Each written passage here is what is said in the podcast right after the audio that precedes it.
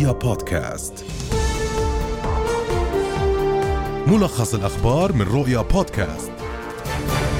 موجز الأخبار أهلا وسهلا بكم. زار وزير الصحة الدكتور فراس الهواري اليوم مستشفى جرش الحكومي للإطمئنان على تسعة أطفال أدخلوا فجر اليوم إلى المستشفى لاشتباه تسممهم.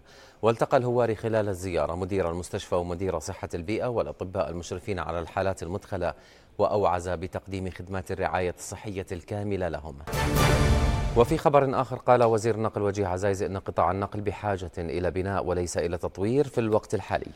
وأشار إلى أن 93% من القطاع ملكية فردية ما ترتب على الوزارة إعادة النظر بالقطاع. وأضاف إلى أنه سوف يتم تشكيل لجنة من رئاسة الوزراء لدراسة كافة الملفات مثل التاكسي الأصفر والتطبيقات وتاكسي الاستثمار لوضع حلول حتى لا يتغول قطاع على آخر.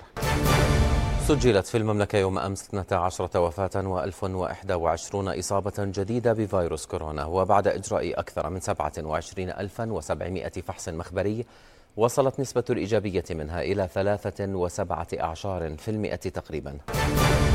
قررت المملكة العربية السعودية تخفيف إجراءات التعامل مع جائحة كورونا اعتبارا من يوم غد. القرار السعودي يتضمن إلغاء إلزامية الكمامة في الأماكن المفتوحة وتخفيف الإجراءات الاحترازية للحاصلين على جرعتي اللقاح. والسماح باستخدام كامل الطاقة الاستيعابية في المسجد الحرام والمسجد النبوي وإلغاء التباعد والسماح باستخدام كامل الطاقة الاستيعابية في التجمعات والأماكن العامة ووسائل المواصلات والمطاعم وصالات السينما والسماح بإقامة وحضور المناسبات في قاعات الأفراح وغيرها دون تقييد للعدد.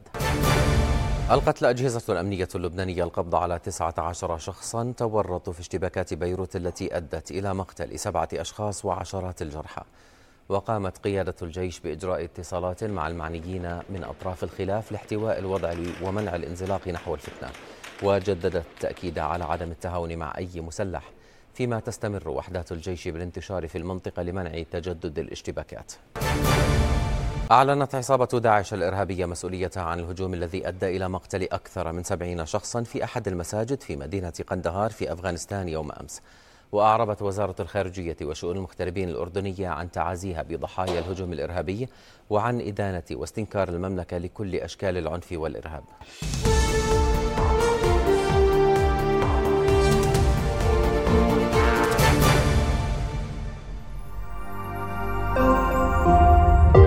رؤيا بودكاست.